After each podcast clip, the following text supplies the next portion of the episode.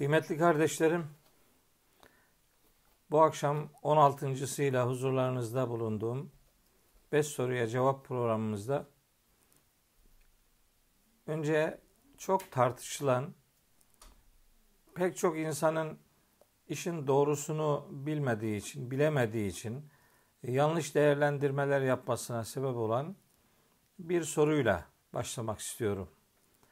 Bu soru Allah dilediğini saptırır, dilediğine hidayet verir şeklinde tercüme eden edilen ayetlerdir. Bu ayetlerin hidayet ve sapkınlık noktasında çeşitli örnekleri var Kur'an-ı Kerim'de. Ee, benzer kullanımlar ama konusu biraz farklı olacak şekilde mesela Allah dilediğini bağışlar, dilediğine azap eder şeklinde de benzerleri var. Ee, şimdi bu kullanımlarda ikisi birbirine benzediği için teknik kullanım itibariyle söylüyorum. Ee, Allah dilediğine azap eder, dilediğini bağışlar. E, elbet öyledir. Tabii ki Cenab-ı Hakk'ın bu anlamda dileme sıfatı, bağışlama veya azap etme ile ilişkili olarak ona ait bir sıfattır. Dileyen Allahu Teala'dır. Fakat bu ayetlerdeki dileme işini hidayet ve sapkınlıkla ilişkili konulara da e, yönlendirince bu defa insan iradesinin, insan aklının, insan e, imtihanda oluşu pozisyonunun e, hemen hemen hemen hemen her şeyin anlamı kayboluyor. E, oysa Kur'an-ı Kerim'de Rabbimiz hidayet ve sapkınlıkla alakalı onlarca ayeti kerimede bunu aslında insanların iradeleriyle ilişkilendirerek anlatıyor. Mesela hem hidayetten bir örnek hem e, sapkınlıktan bir örnek ile başlamak istiyorum. E, bakınız Tegabun suresi diye bir sure var Kur'an-ı Kerim'de. Bu surenin 11. ayetinde Allahu Teala buyuruyor ki ve men yu'min billahi yehdi kalbehu. Kim Allah'a iman ederse Allah onun kalbine hidayet eder. Demek ki önce birinin bir şey yapması lazım ki hidayet ondan sonra gelsin. Yani hidayet bir sonuçtur. Sebepse insanın onu hak edecek bir tavır ortaya koymasıdır. E, Fatiha'daki duamızın anlamı da budur. İhdina sıratan müstakim. Ya Rabbi bizi müstakim yola, dost doğru yola hidayet et diye o duada verilmek istenen mesaj da önce bizim bir irade ortaya koymamızdır. Sonra da Rabbimizin bu irademizle alakalı olarak bizim tercihimizi yaratmasıdır. Ee, başka ayetler var. Mesela ve innallaha lehadillezine amenu ila sıratın müstakim diye bir ayeti kerime var. Bu ayeti kerime e, Hac suresinin 54. ayeti. Manası şu. Allah iman etmiş olanları sırat-ı müstakime hidayet eder. Yani bakın burada da iman etmiş olmak sebeptir. Hidayete erdirilmiş olmaksa sonuçtur. İma, imanı kişinin kendisinin tercih etmesi gerekir ki Rabbimiz onun için hidayet yaratmış olsun. Allahu Teala peki istediğine hidayet edip istediğini saptırabilir mi? Tabi güç, kuvvet noktasında elbette Rabbimiz bunu yapabilir. Onun o anlamda hiç kimse gücünü elbette engelleyemez, erteleyemez, öteleyemez. Hiç kimsenin böyle bir takati yoktur, pozisyonu yoktur. Ancak hayatı imtihana endekslediğini söylediği pek çok ayeti kerime var Kur'an-ı Kerim'de.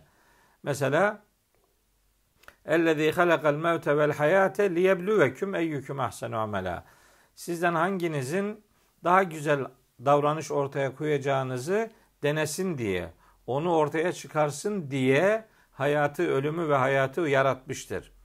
Yani yaratılışın gayesi imtihandır. E, mesela buyuruyor ki inna halaknel insane min nutfetin emşacin.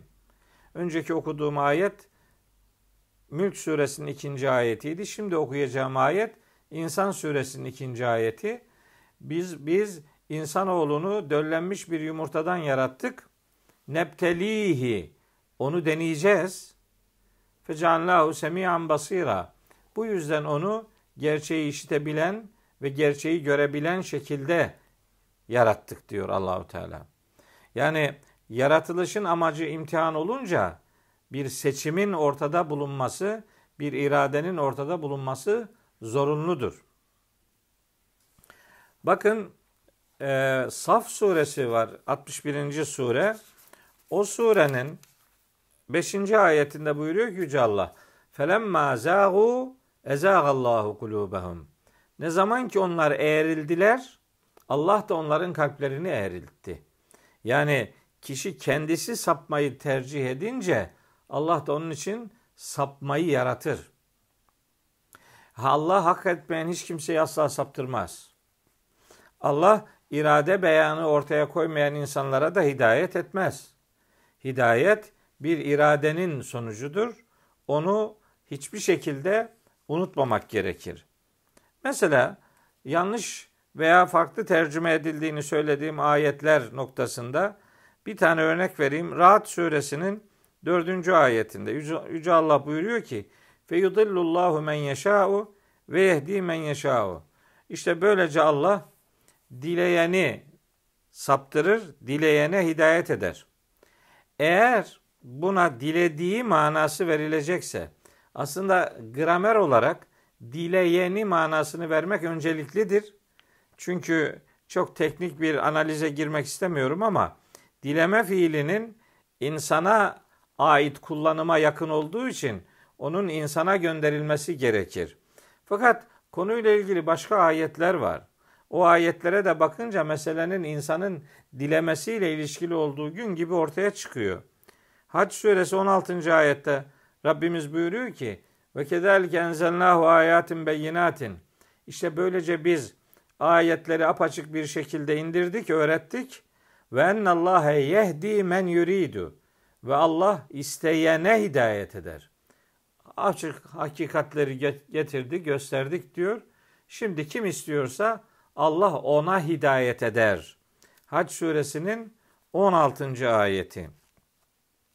Bakın Şura suresinin e, hemen 13. ayetinin sonunda yine öyle bir ifade var.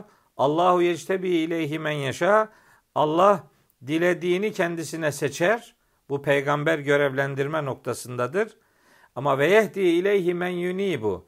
Kim ona adım atar, yönelirse Allah'a Allah ona hidayet eder. Şura suresinin 13. ayeti. Rahat suresinin 27. ayetinde de benzer bir mesaj vardır. Ve yekulüllezine keferu. Kafirler derlermiş ki levla unzile aleyhi ayetun min rabbi. Ona Rabbinden bir delil, mucize indirilseydi ya. Kul bunu senden isteyenlere de ki innallaha yudillu men yeşa. Allah dileyeni saptırır ve yehdi ileyhi men enabe. Ona kim adım atar yönelirse ona da hidayet eder. Yani hidayet etmek için Rabbimizin hidayet etmesi için kulun ona karşı bir yöneliş ortaya koyması zorunludur. Fatiha'nın 6. ayetindeki duamızın gerekçesi de budur. Biraz önce ifade etmiştim. Yunus suresi 25. ayette buyuruyor ki Vallahu yed'u ila daris selam. Allah herkesi dar selama davet ediyor. Ve yehdi men yeşâ'u ila sıratın müstakim. Ve Allah dileyen herkesi dost doğru yola iletiyor. Dilemek kula ait bir fiildir. Bir e, e, işlemdir, bir unsurdur. Kul bunu yapar, Rabbimiz de onun için hidayetini yaratır. Akletmez misiniz, tefekkür etmez misiniz? İşte kedalike nufessilul ayati li kavmin yetefekkerun aklını çalıştırmak, tefekkür, doğru fikir, yararlı fikir ortaya koymak isteyenler için işte ayetleri böyle açıklıyoruz diye ayeti kerimeler var Kur'an-ı Kerim'de. İşte bunların sonucu aslında bir hidayet talebidir, bir hidayet isteğidir. Rabbimiz de bu tür hidayet isteklerini ilgililer için yaratacağını ifade ediyor. Bakınız İnsan suresi 3. ayette buyuruyor ki İnna hedeynahu sebile. İnsanoğluna biz hakikatin, gerçeğin yolunu gösterdik. İmma şakiren ve imma kefura. Ya şükredici mümin olur ya küfredici nankör olur. Kendisi bilir. Mesela Tehabun suresi 2. ayette buyuruyor ki Huvellezî halakaküm. Sizi yaratan odur. Feminküm kafirun ve minküm müminun. İçinizden bir kısmınız kafir, bir kısmınız mümin oluyorsunuz diye insan iradesine dikkat çekiyor. Keyif suresinin 29. ayetinde benzer içerikte buyuruyor ki ve kulil hakku min. De ki hak gerçek Rabbinizden gelendir. Femen şa'e fel yu'min ve men şa'e fel yekfur. Dileyen iman etsin, dileyen inkar etsin. İmanın sonu ödül, inkarın sonu hesap ve ceza olacaktır. Bunu bile bile insanlar hidayeti tercih ederlerse ödüllerle buluşurlar. Yok sapkınlığı tercih ederlerse de sonucuna katlanırlar. En'am suresinin 39. ayetinde şöyle bir ifade var. Men yeşe illahu yudlil Allah dilediğini saptırır ve men yeşe yecalhu ala sıratın müstakim dilediğini de müstakim bir yol üzere şekillendirir. Burada dileme fiili zorunlu olarak sadece Allah'a gider. Gramer olarak, kullanım olarak bu mecburi. Fakat ayetin başını okuduğunuz zaman Allah'ın kimi dileyeceği anlaşılıyor. Ayetin başında diyor ki vellezine kezzebu bi ayatina summun ve bükmün fi zulumat. Bizim ayetlerimizi yalanlayanlar karanlıklar içerisinde kalmış sağır ve dilsizler gibidir. Dilsizlerdir gibidir bile yok yani. İşte bunlar ayetleri yalanlayanlar zaten saptırılmayı isteyenlerdir. Ee, ondan sonra Hz. Musa'nın bir duasında benzer bir ifade var. Dilediğini saptırır, dilediğine hidayet edersin. Şimdi bu iki tane ayeti de görmek lazım. Dileme fiili sadece Rabbimize nispet ediliyor diye. Ee, fakat ayetlerin arkasına önüne baktığınız zaman Rabbimizin kimi dilediği belli. Bu iki ayetteki örneği diğer okuduğum onlarca ayettekilerle birlikte anlamak ve o manayı beraber şekillendirmek gerekir. Araf suresi 155. ayetle işte Enam suresinin aktardığım 39. ayeti diğer ayetler ışığında anlaşılmalıdır. Peki Allahu Teala kullarının imanına mı razıdır, küfrüne mi razıdır? Ne istiyor Allahu Teala? Allah istediğini saptırır, istediğine hidayet eder diye tercüme edince peki Rabbimizin mutlak anlamda isteği nedir? E, Zümer suresi 7. ayet gayet açık. İn tekfuru fe innallaha ganiyyun anküm. Eğer küfreder, nankörlük ederseniz Allah sizden zengindir. Yani sizin nankörlüğünüzün ona bir zararı olmaz. Ama ve in teşkuru yardahu leküm. Şükrederseniz Allah bundan memnun olur. Zaten Rabbimizin bize akıl, irade, fıtrat, vicdan vermesi, peygamber görevlendirmesi, kitap göndermesi hep insanların hidayeti tercih etmeleri içindir. Fakat bütün bunlara rağmen insan hidayeti istemeyebilir. Kendisi bilir. Tercihini hidayetten yana belirlemek istemeyen sonucuna katlanmak üzere bu tercihini yapabilir. O tercihinde nihayetinde hesabını vereceğini bilerek öyle bir tercihte bulunabilir. Allah'ın kimlere hidayet etmeyeceğini biz Kur'an-ı Kerim'den biliyoruz. Ve ma yudillu bihi illel fasikin. Fasıklardan başkasına Allah saptırmaz. E demek zaten fasık. Vallahu la yehdil kavmel kafirin. Vallahu la yehdil kavmel zalimin. Dolu. Allah zalim topluma hidayet etmez. Fasık topluma hidayet etmez. Zaten fasık olan, zaten zalim olan, zaten kafir olan hidayet istemiyor demektir. Dolayısıyla hidayet aslında bir irade beyanının iman tercihinin sonucu olarak Rabbimizin yarattığı bir değerdir. Onu Kur'an'ın bütün ilgili ayetlerine bakarak iki ayeti diğer konuyla ilgili bütün ayetlerin ışığında anlamak gerekir. Yani Allah dilediğini saptırır, dilediğine hidayet eder şeklinde çevrilen ayetlerin aslındaki tercümesi ya dileme fiili insana nispet edilmelidir ki buna göre tercüme Allah isteyeni saptırır, isteyene hidayet eder şeklindedir. Yahut da dileme fiili Allah'a nispet edilirse o zaman şu açıklamayla gelmelidir. Çünkü Allah'ın kimin hidayetini dileyeceğini biliyoruz. Kimin sapıklığını onaylayacağını da biliyoruz. O zaman Allah dilediğini yani layık gördüğünü saptırır. Dilediğine yani layık gördüğüne hidayet eder diye ilgili ayetleri böyle tercüme etmek ve anlamak durumundayız. Hiç kimse sapkınlığının faturasını Allah'a kesemez. Bunu özellikle ifade edelim. Aksi takdirde iradenin insana verilmesinin hiçbir anlamı kalmayacaktır. Bu konuyla ilişkilendirilecek şekilde ikinci cevaplamak istediğim soru e, kalplerin mühürlenmesi ne demektir sorusudur. Evet bu konuyla alakalı Kur'an-ı Kerim'de e, çok e, önemli ayet-i kerimelerde iki tane belirleyici fiil kullanılır. Bu fiillerden biri hateme fiilidir, biri de taba'a fiilidir. Peki ikisine birer örnek vererek bakalım. Bir tanesi hemen biz tabi Kur'an'ın mealini okuyun filan okuyun okuyun diyoruz sürekli. Eğer meal bir takım yanlışlıklar içeriyorsa o zaman adam yanlış tarafa doğru yönlenebilir veya işi okumayı bırakabilir. Bunu fırsat bilen bazı çevreler de sakın ha meal okumayın. İşte hatta işte meal okursanız dinden çıkarsınız filan gibi böyle e, cidden çok saçma cümleler söyleyenler var. E, yani onları ciddiye bile almaya değmez. Akla ve zamana e, ziyan etmeme adına e, kim olduklarını da filan hiç söylemeye lüzum yok. E, bu, bu söylemler sıkıntılı söylemlerdir. Ama bilin ki meal kimin kim yazmış olursa olsun. Yani falanca filancanın yazmış olması sonucu değiştirmiyor. Bir meal Kur'an-ı Kerim metninin o meal yapan kişi tarafından yorumlanarak e, aktarılma, aktarımına denir ki bunda peşinen bir takım eksiklikler vardır. O zaman bir tane mealle yetinmemek lazım ki daha önce bir programda meal okumada nasıl bir yol, nasıl bir yöntem izlenmelidir başlığında bu konuyu ele almıştım. E, etraflı okumak lazım, karşılaştırmalı okumak lazım. Şimdi bunu şunun için söylüyorum. Şimdi Bakara suresini hemen açıyor. Kur'an'ın tabi en başından. Fatiha'yı okuyor. Ondan sonra Bakara suresinin geliyor 6. 7. ayetlerine bu defa bir sıkıntı oluyor.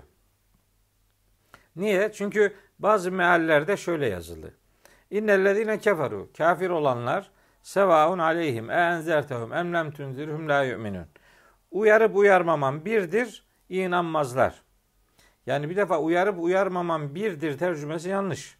Onları uyarıp uyarmaman onlar için birdir.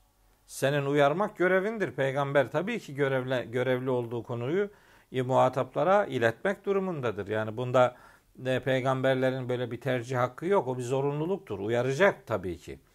Ama onlar bundan etkilenmeyebilirler. Kendileri iman etmemekte kararlılık gösterebilirler. İşte bu tercümeyi önce dediğim gibi yapınca uyarsan da olur, uyarmasan da olur'a iş dönüyor. Halbuki öyle değil. Uyaracaksın da sonuçta o değişir veya değişmez kendisi bilir. Bu ayette kafir olmaya karar veren ve kafirlikte kalmaya kararlı olanlar için uyarıp uyarmamanın sonucu değiştirmeyeceğine dikkat çekiyor. 7. ayette buyuruyor ki Hatemallahu ala kulubihim. Allah onların kalplerini mühürlemiştir. Tercüme eden diyor ki çünkü Allah onların kalplerini mühürlemiştir. Burada çünkü diye bir şey yok. Yani li ennallaha hateme ala kulubihim demiyor yani. İd hatemallahu ala kulubihim öyle bir ifade yok. Allah onların kalplerini mühürlemiştir. Kur'an-ı Kerim'de böyle sebep sonuç ilişkisi kurarak ayetleri okumak gerekir. Bu bir sonuçtur. Mühürlenmek zaten işin sonudur. Peki sebebi nedir? Sebebi bir, kafir olmakta karar vermeleri. Çünkü Kur'an'ın hiçbir yerinde kafir edilenler diye bir ifade yok. Veya iman ettirilenler diye bir ifade yok. İmanda küfür de kişinin kendisine nispet edilir. İman edenler veya kafir olanlar. Adam kafir olmayı kendisi tercih etmiş. Kafir kalmayı kendisi tercih etmiş. Bu tercihininden dolayı uyarılara kulak tıkamış, iman etmemekte kararlılık göstermiş, İşte bunların kalplerini Allah mühürler. Zaten inanmak gibi bir hevesi, bir iddiası, bir beklentisi yok vatandaşın. Ala kulubihindeki hum zamiri o kafirleri yani inanmamakta ısrar eden insanları ilgilendirir. Yani Allah hak etmeyen insanların kalbini asla ve asla mühürlemez. Çünkü mühür bir sonuçtur. Sebebi ise kişinin küfürde ısrar etmesidir. Bu hateme fiiliyle yapılan e, bir örnek. Bir de taba'a fiili var. Ona dair de bir örnek vereyim. Araf suresinin Rabbimiz Yunus suresinde de var ama Araf suresindekini söylüyorum ben. Rabbimiz buyuruyor ki ve netba'u ala kulubihim biz onların kalplerini mühürleriz fehum la yesmaun artık gerçeği işitemezler. Heh. E, kalbi mühürlendiyse nasıl işitsin? Kardeşim kalbini mühürlettiriyor adam. Adam demek istiyor ki benim bu tarakta bezim yok. Ben bir şey duymak istemiyorum. Duymak istemeyenin Allah kalbini mühürler. Yani bu ayet Araf suresinin 100. ayeti. O 100. ayetten hemen yukarıdaki 95. ayetten itibaren hatta 94. ayetten itibaren okununca inkarcı milletlerden söz ediyor Allahü Teala ve hüsrana uğrayan bir topluluk olduklarını ifade ediyor. Ee, ondan sonra bunların kalplerini inkarcılıkta ısrar ettikleri için kalplerini mühürlediğini ve gerçeği duymadıklarını, duymayacaklarını beyan ediyor. Aslında Allahü Teala bir sonraki ayette ki bu da Araf suresi 101. ayette buyuruyor ki Bakın tilkel kura nekussu aleyke min enbaiha. Bunlar şu şehirlerin halklarıdırlar ki sana onların haberlerinden bir kısmını anlatıyoruz. Ve lekad ca'etum rusuluhum bil beyinat. Bunlara resulleri çeşitli apaçık belgeler getirdiler. Fema kanu li yu'minu. Onlar bima kezzebu min qabl daha önce yalanladıklarından ötürü hiçbir belgeye, hiçbir bilgiye inanmadılar. Kedalike işte inanmayan bu adamlara böylece yatba'ullahu ala kulubil kafirin. İnkar eden adamların kalplerini Allah mühürler. Yani tekrar ediyorum. Mühürlenmek bir sonuçtur. İnkar etmekse bunun sebebidir. Allah durduğu yerde hak etmediği şekilde hiç kimsenin kalbini filan mühürlemez. Rabbimizin arzusu zaten insanların iman etmesidir. Ee, biraz önce ifade ettim. Tekrar söyleyeyim. Bize akıl, irade, fıtrat, vicdan vermesinin, kitap göndermesinin, peygamber görevlendirmesinin e, amacı insanoğlunun hidayetten yana tavır koymasını sağlamaktır. Mesele bunun üzerinden yürür ve mühürlenme böyle bir işlemin sonrasında kişi ısrarla ve inatla gerçekleri işletmek istemez ise Allah onların kalplerini mühürler. Adamın başka bir niyeti yok yani. Mesela ayet-i kerimeler var. Diyor ki Rabbimiz ve in yerev külle ayetin la yu'minu biha. Bütün delilleri görseler gene inanmazlar. Bir mucize görseler bu büyüdür der geçer giderler. Enam suresi 108, 109, 110, 111. ayetlerde işte ne bileyim gene Enam suresinin 35. ayetinde e, ondan sonra yine Enam suresinin e, başka ayetlerinde hangi ayeti görürlerse görsünler vatandaşların iman etmeyeceklerini Allahu Teala haber veriyor. Çünkü iman etmiyorlar. Ne kadar uğraşsan da bunlar iman etmezler diye Yusuf suresi 105. ayette de bilgi veriliyor. Peki diyelim ki mühür vuruldu kalbine. Bu adamın bundan hiç vazgeçme şansı kalmadı mı? Aslında kaldı. Bakara suresi 88. ayetle e, Nisa suresinin 150 e, 150 kaçıncı ayeti? Hemen söylüyorum. 155. ayetlerinde Allahu Teala buyuruyor ki gene bu kalplerin mühürlenmesiyle alakalı. Ve kalu kulubuna gulfun. Kitap ehlinden birileri demişler ki bizim kalplerimiz kılıflıdır, perdelidir. Bel hayır, la'anehumullahu Allah onlara lanet etmiştir. Bir küfrihim. Kendi nankörlüklerinden dolayı Allah onlara lanet etmiştir. Fekalilen ma yu'minun. Çok azı iman eder.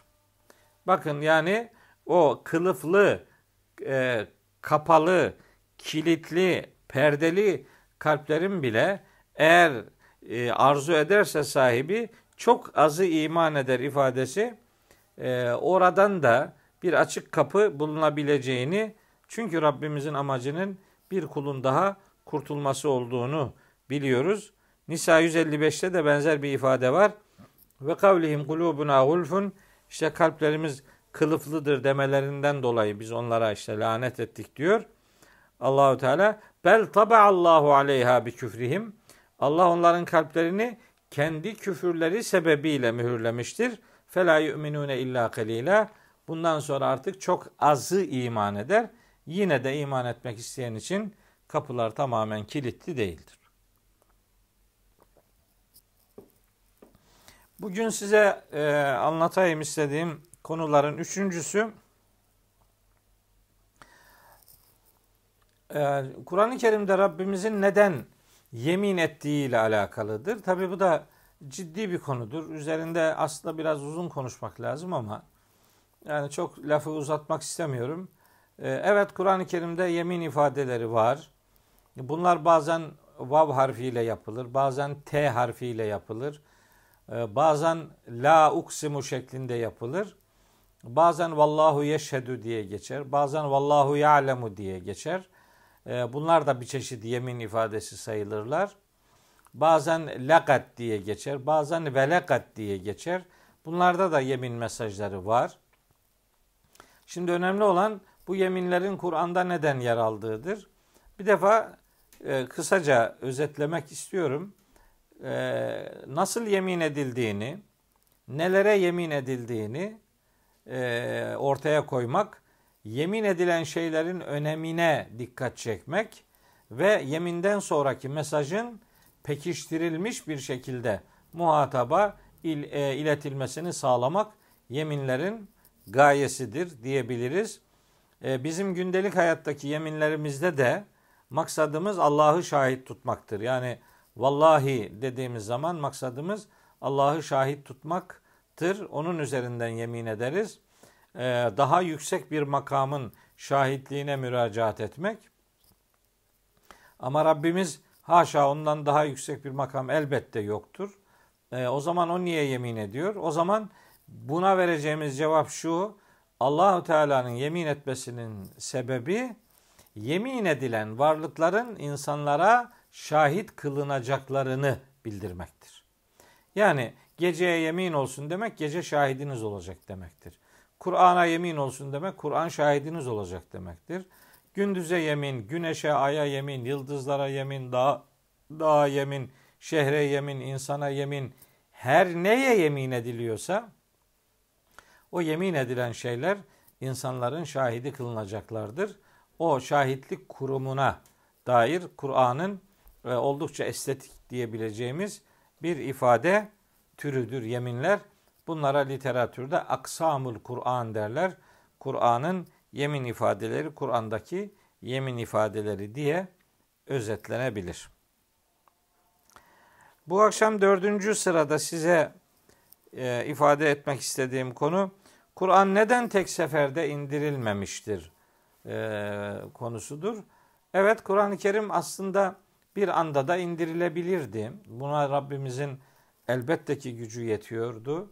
Mekkeli müşrikler bu soruyu peygamberimizi sıkıştırmak maksadıyla dile getirmişler. Çünkü onlara göre peygamberimiz muallem bir adamdır. Yani ona birileri bir şey öğretiyor. O da öğretilen kişidir diye Nail suresi 103. ayette işte Furkan suresinin hemen 4. 5. ayetlerinde peygamberimize birilerinin bir şeyler öğrettiği iddiaları var.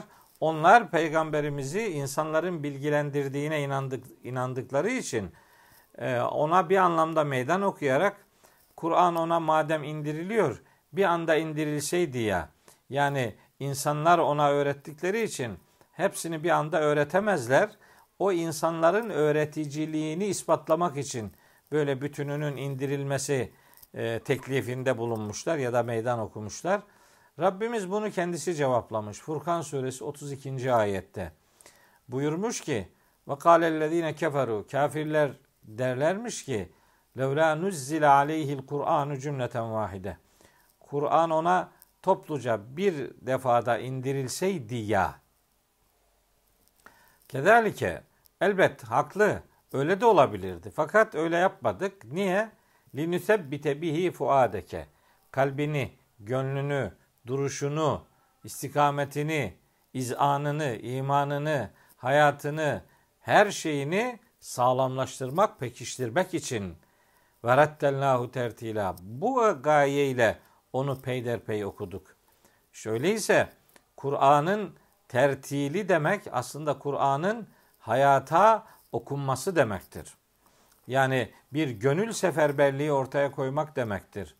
Tilavet dilin okumasıdır. Kıraat aklın okumasıdır. Tertil ise gönlün okumasıdır. Ve o tertil aynı zamanda e, bir gönül seferberliğini beraberinde taşıdığı için Kur'an'ın okunması onun hayata okunmasıdır. Onun hayata dokunmasıdır. Onun hayatı ilmek ilmek dokumasıdır. Hatta sahabiler peygamberimizin yanına geldiklerinde böyle onar ayetlik gruplar halinde dinler. O on ayetlik mesajı hayatlarına taşır.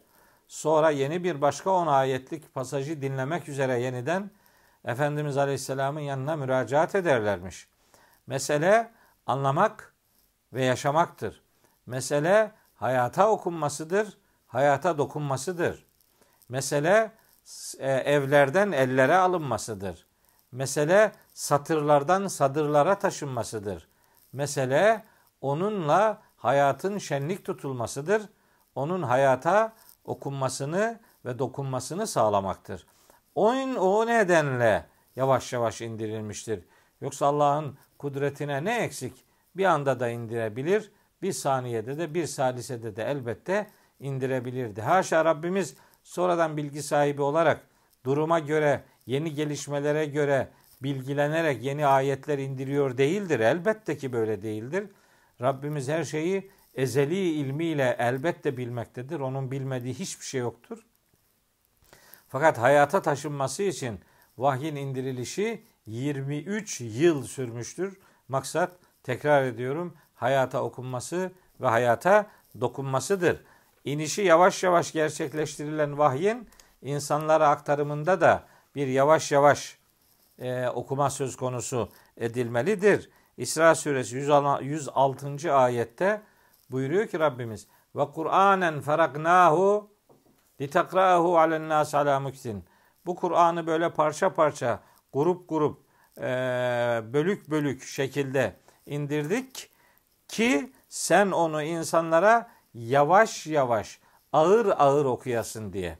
O zaman Kur'an'ı hızlı okumayla övünmenin bir alemi yok. Kur'an'ı hayata taşımayla ilgili bir e, varsa övüncümüz, o övüncü dile getirmeliyiz. E, Peygamberimizin Kur'an'la alakalı çok nefis cümleleri var. Mesela bir hadisinde buyuruyor ki, e, İza ahabbe ahadukum en yukellime rabbehu felyekra'il Kur'an. Sizden biri Rabbi ile konuşmak istiyorsa Kur'an'ı anlayarak okusun. İşte Kur'an'ı anlayarak okumak Allah'la konuşmak gibi bir şeydir. Öyle bir izzettir. Bundan daha büyük bir şeref de yok. Ee, en güzel söz en güzelin sözüdür. En üstün söz en üstün olanın sözüdür. Bu manada da peygamberimizin şu hadisini çok e, söyler anlatırım. Fadlü kelamillahi ala gayrihi kefadlillahi ala halqihi. Allah'ın kelamının diğer sözleri olan üstünlüğü Allah'ın mahlukata olan üstünlüğü gibidir. Peygamberimizin bu sözlerinden sonra daha da başka bir şey söylemeye ihtiyaç hissetmiyorum. Bu akşam 5. sırada bir e, uygulama sorusu gündeme getireyim istedim. O da işte şimdi Ramazan içerisindeyiz. İnşallah bir iki ay sonra, bir buçuk ay sonra işte hac mevsimi falan başlayacaktı ama bu sene maalesef bu koronavirüsten dolayı e, herhalde hac yapılamayacak. Öyle bir bilgiler dolaşıyor. Bilmiyorum inşallah imkan doğar. Yani o, o, o mabet böyle tavafsız kalınca insanın yüreği kanıyor gerçekten. Sanki Rabbimiz yani bu kadar tavaf ettiniz ama gerekeni gerektiği gibi yapmadınız. Şimdi bu imkanı elinizden aldım der gibi e, bir durum var. İşte camilerin, işte cumaların, muhtemelen bayramın, işte teravihlerin, e, mabetle insanların ilişkisini sanki Rabbimiz bunun kıymetini bilme noktasında bir süreliğine elimizden aldı. İnşallah kısa sürer. İnşallah yine cumalarımıza, camilerimize inşallah e, kısa sürede kavuşuruz. Hacla ilgili de bu sene böyle ekstra bir durum var. E, umarım hac ibadetine bir halel gelmez ama gelebilir de çünkü sıkıntı devam ediyor. Benim e, bu akşam itibariyle söylemek istediğim yani hac ibadetinin bütün günahları e, silip adamı böyle pirupak hale getirip getirmediği ile alakalıdır. E, böyle inanıldığı için tabi peygamberimizin böyle teşvikleri olabilir. Tabi benim ona hiç diyecek bir şeyim yok. Haccın önemini vurgulamak için işte ananızdan doğduğunuz gibi tertemiz olursunuz. Eğer tabi şartlarını e, yerine getirir, hukukuna riayet ederseniz elbette Rabbimiz tevbeleri kabul edince zaten o tevbeler e, günahların silinip yeni bir yönelişin başladığının göstergesidir. Ancak bu millet tarafından yanlış anlaşıldığı için bizim ülkemizde hac ibadeti olabildiğince geç yaşlara erteleniyor. İşte 65-70 yaşından sonra insanlar hacca giderken e, bütün işleri yapıyor, bütün günahları işliyor. Nasıl olsa orada sıfırlar döneriz gibi böyle e, haccı bir günah temizleme malzemesi gibi görüyorlar. Halbuki haccın telbiyesi Allah'a verdiğimiz e, bir parola sözleşmesidir. E, haccın tavafı evrenin tesbihine ayak uydurmaktır. E, tavafın sonrasında işte Arafat dediğimiz o muhteşem bilinçlenme yeri kişinin kendisi ve evren hakkında, Allah hakkında marifete, derin bilince ulaşmasının yeridir. İşte Müzdelife denen yer meş'ar haram diye Kur'an'da geçer. O da işte şuurlanma yani saygın değerlerinin insan şuuruna, bilincine aktarılması yeri olarak bilinir. E, bütünüyle işte e, kurban maldan fedakarlığı, tıraş olmak candan fedakarlığı temsil eden her tarafı sembol olan bir ibadettir hac. Ama ne olursa olsun onun içinde giydiğimiz ihram kişinin kefene benzetilerek hayatının sonlarına ibadeti terk etmesine sebep olmamalıdır. Kefen aslında hayatımızın tertemiz, bembeyaz bir sayfa temsil etmesini ortaya koymalı ve insanların makam mevki olarak eşit olduklarının görüntüye e, dönüştürülmüş şeklidir. İhram zaten normal hayatta helal olan pek çok e, uygulamanın Allah'ın hatırı için haram kılınması anlamında Allah'ın hatırının zirvede tutulduğunun bir göstergesidir. Haccı olabildiğince hayatımızın ilk yıllarında farz olduğu, imkan bulduğumuz ilk anda yerine getirmeye gayret edelim. Çünkü hac bir hayat biçimidir. Hacdan önce günahlar, hacdan sonra günahlar diye ikiye ayrılmıyor. Helaller ve haramlar hacdan önce de hacdan sonra da aynıdır. O bilinçle ibadeti vaktinde yapmak, erteletmemek ve yerimize de başkasını göndermemek gibi bir yükümlülüğümüz bulunduğunu bu vesileyle ifade edeyim ve hepinize hepimize hayırla dolu bir ömür Rabbimin nasip etmesi duası ve niyazıyla hepinizi Allah'a emanet ediyorum.